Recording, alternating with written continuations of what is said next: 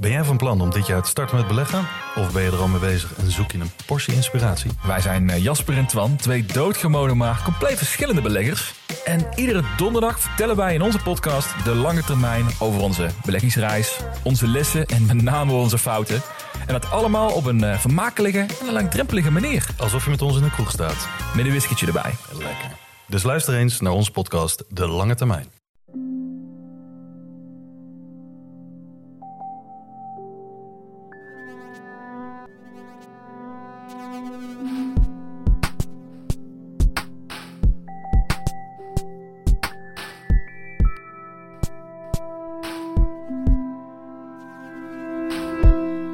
Hallo, ik ben Pieter van Relaas. In Relaas hoor je waar gebeurde verhalen en die worden verteld door de mensen die ze zelf hebben meegemaakt. We zijn terug met elke week een los verhaal. Hehe, dat heeft lang geduurd, hè? We gaan luisteren naar het relaas van Hendrika. Het is een verhaal over hoe wij als mensen graag altijd iemand bij ons hebben. Zeker in momenten dat het niet zo goed met ons gaat. Hendrika die had hierbij geluk bij een ongeluk. Luister maar.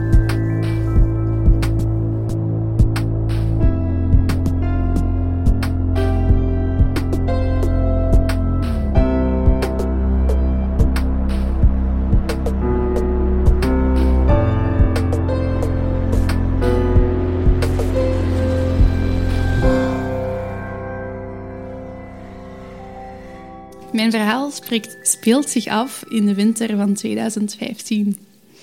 Ehm, het was tijdens de carnavalvakantie. Ik zeg carnavalvakantie, want ik kom uit Aalst. En daar wordt dan nogal uitbundig gevierd. Um, in, de, in de carnavalvakantie van 2015. Um, ik was vier maanden in verwachting van... het was mijn eerste zwangerschap. mijn vriendje en ik, wij gingen een dochter krijgen. Ik keek heel hard uit naar de carnavalvakantie. Um, ik had afgesproken met mijn vriendinnen uit um, een Erasmus... Uh, mijn Erasmus-ervaring. Um, er waren twee Griekse vriendinnen. Die hadden bij mij vier maanden gestudeerd in Zaragoza, in Spanje. En die gingen een paar dagen naar België komen. We hadden elkaar zeker al uh, vijf jaar niet meer gezien. Die vonden dat ook heel spannend dat ik in verwachting was. En we gingen afspreken in Brussel. Um, ik had ook ticketjes voor een optreden van uh, Intergalactic Lovers in de AB. Ehm, dat zijn ook vrienden uit Aalst die een band zijn begonnen. Uh, ondertussen waren die al wat bekend geworden. De, um, die zaal was uitverkocht. Um, dus ik kon mijn vriendinnen er ook niet meer binnenkrijgen. Ik ging gewoon met mijn lief naar dat concert gaan. Ik had op voorhand met, met die vriendinnen ook al afgesproken. Heel leuk om die terug te zien. Ik kon wel nog een beetje Spaans, maar dat bleek toch niet meer bijzonder goed te zijn. Dus uh, we zijn dan um, op stap gegaan in Brussel voor het concert. We hebben um, een beetje cafeetjes gedaan. Ze hadden van een, een goede Griekse vriend een gouden tip gekregen om op een heel charmante en bijzondere plaats te gaan eten. Namelijk de Rue des Bouchers. Daar zaten we dan. Ik heb daar dan ook uh, echt geweigerd om mee iets te eten. Ik heb gewoon maar iets gedronken. Um, Oké, uh, we nemen afscheid. Uh, allee, voorlopig afscheid. Want we gingen elkaar daarna wel terugzien in een ander cafeetje na het optreden. Dus ik zie mijn liefke, chef. Uh, we staan samen, samen te genieten van dat concert. Er waren ook nog wel andere mensen die we kenden natuurlijk, van de Scouts en ook vrienden van Gent. Um, dat was een gezellig concert. Ik kende heel veel liedjes. Ik was er dan ook al bij vanaf de eerste um, jeugdhuisoptredens. Dus um, dat was gezellig. Ik, uh, ik, herinner mij veel mensen die recht staan. Een warme sfeer. Uh, letterlijk en figuurlijk. Het was er redelijk warm. Um, en, en, tegen het einde van, van, van dat concert voel ik mij zo wat ongemakkelijk. Ik denk, oké, dat zijn die eerste ongemakkelijkheden als je zwanger bent. Dus ik ga gaan zitten. Ik had zo'n beetje buikpijn. Ik weet nog, een vriend komt naast mij zitten. Um, slaat ondertussen nog een praatje tijdens het concert. Um, gezellig. En ja, die buikpijn gaat niet echt over. Dus ik ga nog naar... Eh, we nemen afscheid van die vrienden. We gaan terug naar onze Griekse vriendinnen. Um, we zitten in dat cafeetje, maar ik voel me echt ongemakkelijk. Dus eigenlijk ren ik gewoon naar beneden waar een toilet is. Ik voel dat ik me overgeven, dus ik moet overgeven.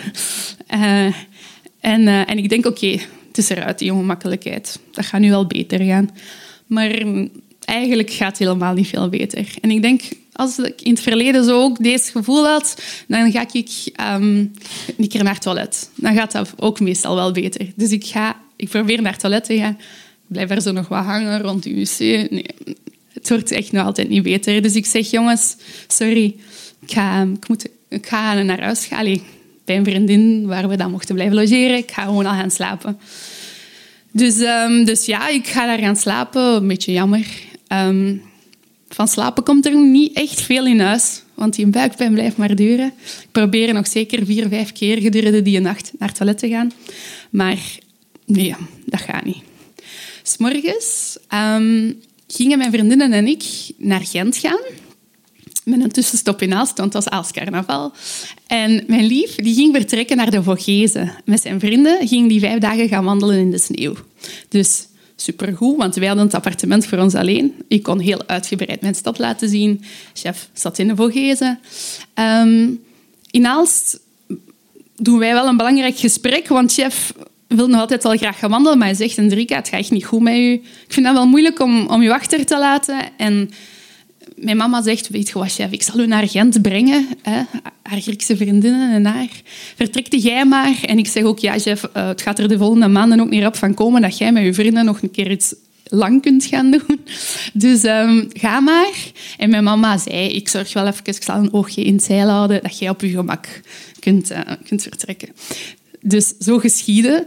Um, we waren dus op dat moment even in Aalst, maar uh, mijn mama nog ik vinden als carnaval echt bijzonder uh, aantrekkelijk of zo. Dus zij zei, kom, we rijden met een auto naar Gent, wat voor mij nooit, nooit gebeurt. Ik ben nooit met een auto in Gent, dus ik vond dat wel ook een beetje feestelijk. Um, mijn buik deed wel nog altijd belachelijk veel zeer. We komen toe in het centrum... Um, bij mijn kot, allez, bij mijn appartement eigenlijk. Mijn vriendinnen vertrekken al een beetje op verkenning. En mijn mama zegt, um, goh, ik kan eigenlijk niet zo goed maken om u hier achter te laten. Ik zie dat je aan het afzien bent. Ik zou toch graag met u, het was zondag, naar de dokter van Wacht nog gaan, voordat ik u hierachter laat terugrijden. Ik heb dat ook beloofd aan u. Dus goed, we rijden met een auto door centrum Gent. Bijzonder raar. En elke hoebel... Allez, hoebel is misschien een Aalsterswoord. Elke um, drempel, elk, um, elk uh, kuiltje dat wij rijden, voel ik zo nazinderen in mijn buik. En dat, dat is bijzonder pijnlijk. En ik kerm zo altijd zo wat in, elkaar. Um, we komen aan bij de dokter van Wacht. Ik wandel zo'n beetje voorovergebogen naar, naar de dokter. En die begint natuurlijk te duwen. Dat doet heel veel pijn. En, um, en dat is een dokteres en die is heel vriendelijk en die zegt tegen mij, ja, ja ik, ik moet je zeggen, ik denk, ik denk dat jij een appendicitis hebt. Ik ben verbaasd, maar ook bezorgd. Want ik weet van familieleden, appendicitis is algemene verdoving, een grote operatie ik ben zwanger. Ik wil helemaal geen algemene verdoving en ik wil ook niet geopereerd worden. Dus ik begin een beetje te wenen, want ik, ik zie het eigenlijk niet zitten. En ik, ik, ja, ik bekom daar zo nog een beetje van. En een dokter is super vriendelijk. Die zegt zo, ja, ik begrijp dat je een beetje verrast bent, maar uh, in het ziekenhuis, als je al een appendicitis hebt, doen ze dat elke dag. Um, Zo'n operatie. En um, dat jij zwanger bent dat heeft daar totaal niks mee te maken, want ja, die zwangerschap, dat is een andere kant van je buik. Um, je moet ja, niet bang zijn, dan is dat er direct uit. Allee, je kindje voelt er echt niks van. Die wist eigenlijk wel mij goed gerust te stellen.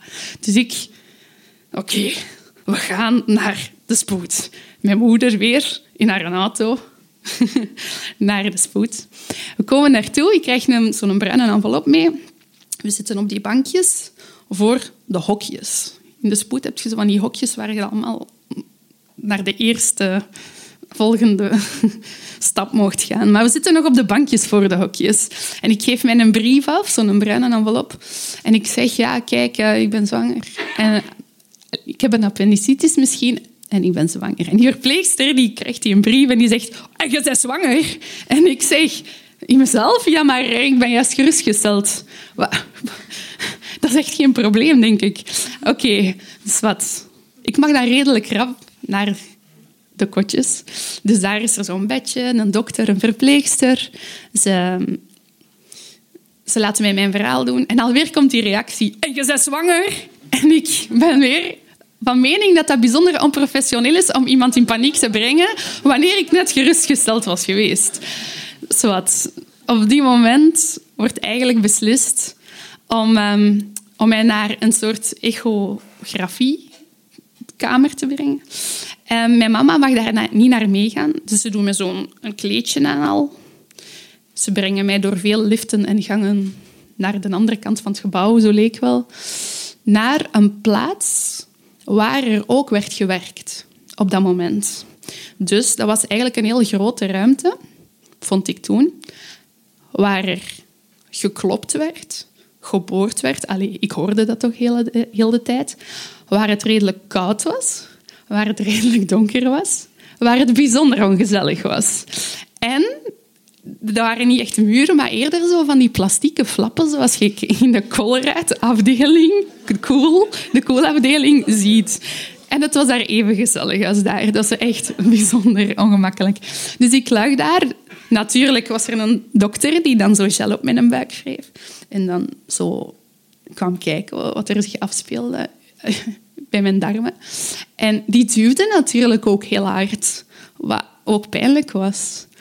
Ehm, die vond niet direct iets. En op een bepaald moment zegt hij... Er is hiernaast iets heel belangrijk. Ehm, het is echt eh, acuut en, het is echt belangrijk dat ik even hier ook naar de patiënt hiernaast ga, want ze hebben mijn hulp nodig. Dus die laat me daarachter.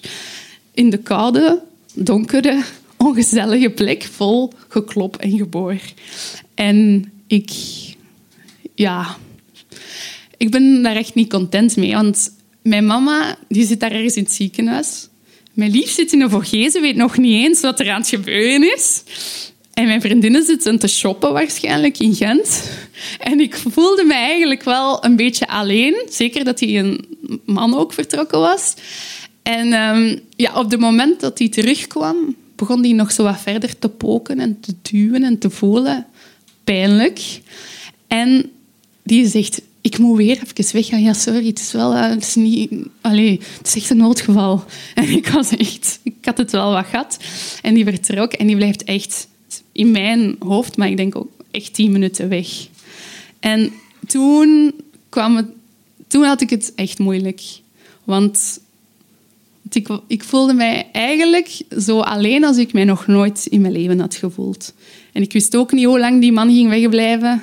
Het was er echt koud. Ik had alleen maar dat kleedje aan. Ik, ja, het ging op dat moment niet zo goed met mij. Maar op dat moment voelde ik mijn dochtertje bewegen. En ik, ik dacht, ik ben niet alleen. We zijn hier met ons tweeën. En dat was eigenlijk echt wat ik nodig had. Want ik dacht gewoon, kom, we doen deze gewoon even. En dan is een dokter teruggekomen. Heb ik mijn traantjes hier even kunnen um, wegvegen. Maar ik weet wel nog dat, ik dat, ik daar wel kracht in heb gevonden. Dat ik gewoon dacht, kom, ik zet hier we zetten hier eigenlijk gewoon een beetje verder. Um, ik krijg mijn mama daarna niet te zien. Ze rollen mij verder naar de operatiekamer, want ze moeten op dat moment wel, wel iets gevonden hebben. Het, het viel mij ook wel op dat er mensen heel slecht of weinig of niet communiceren. Dus oké, ik ging dan geopereerd worden blijkbaar. Ze rollen mij een operatiekamer binnen. Um, waar het wel al lichter is. En ik, ik zie boven mij allemaal gezichten van mensen die zich klaarmaken voor mijn operatie.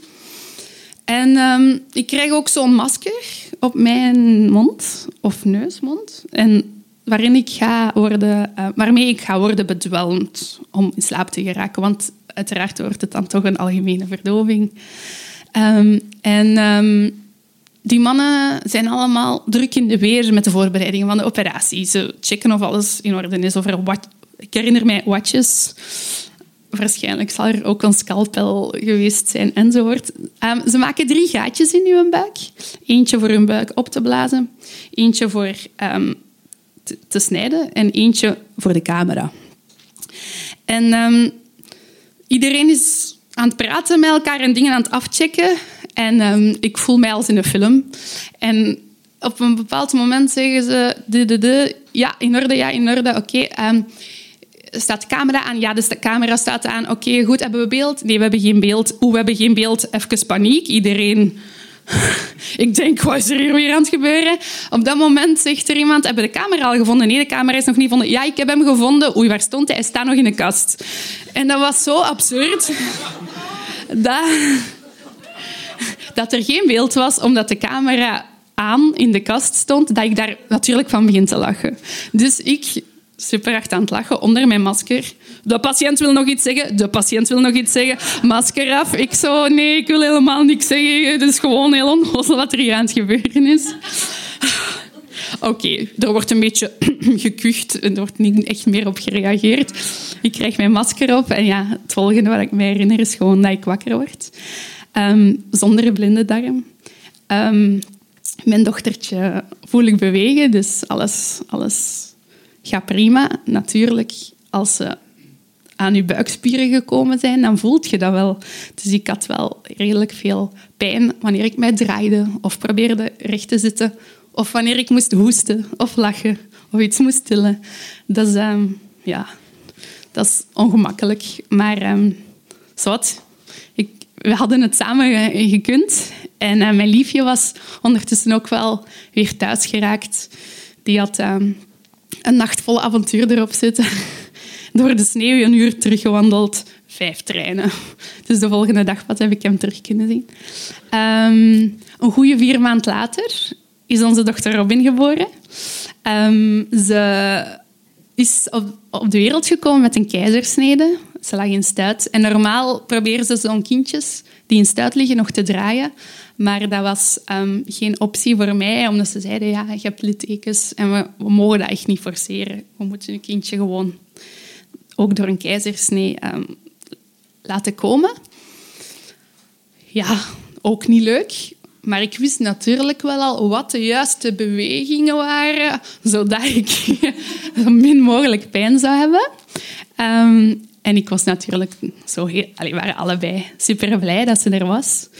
En um, ik vertelde dit verhaal, um, die periode, aan verschillende vrienden, waaronder ook geneeskundestudenten.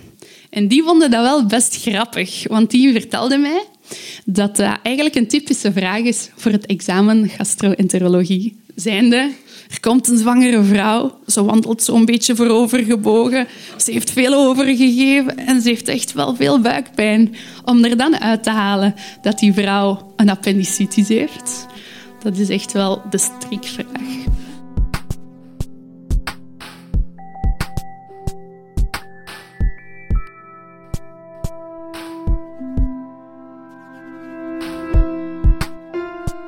Dat was het relaas van Hendrika. Ze heeft het verteld in Antwerpen in december van 2019 in Den Hopzak. Nu, ik ben geen dokter, maar ik ben eens gaan googlen, hè, dokter Google, op zwangerschap en blinde darm. Zo gaat dat. En de verhalen die dan tevoorschijn komen, die zijn redelijk spectaculair. Ik kan het u verzekeren. Zo las ik deze kop. Ik had volgens de arts geen dag langer moeten wachten, dan was mijn blinde darm geknapt en had de baby het waarschijnlijk niet overleefd. En inderdaad, het is een case in een opleiding tot dokter, want zwangere vrouwen met appendicitis blijkbaar, die hebben vaak andere symptomen dan mocht jij of ik, die niet zwanger kan raken, um, appendicitis krijgen. Gelukkig is bij Hendrika alles goed gekomen. Relaas is er dankzij de afdeling cultuur van de stad Gent en van de Vlaamse gemeenschap. Zij subsidiëren ons. En daarnaast hebben wij ook partners die ons helpen om verhalen te verzamelen en ze op ons spreekwoordelijk podium te brengen. Dat zijn Urgent FM, Den Hopzak, Pulp Deluxe, Huset en Chase. Dank jullie wel. En als jij ons wil helpen, dan kan je twee dingen doen. Ofwel stuur je dit verhaal door naar iemand die Relaas nog niet kent, en dan help je zo ons luisterpubliek te groeien. Ofwel vind je ons zo tof dat je zegt: ik kan wel een paar euro missen per maand, 1, 2, 3 euro, maakt niet uit, om de werking van Relaas te steunen. En dan kan je ons via Patreon sponsoren. Je vindt onze Patreon-knop terug op onze website onder elk verhaal. Dankjewel om te luisteren en vergeet niet, je bent nooit alleen. Nooit.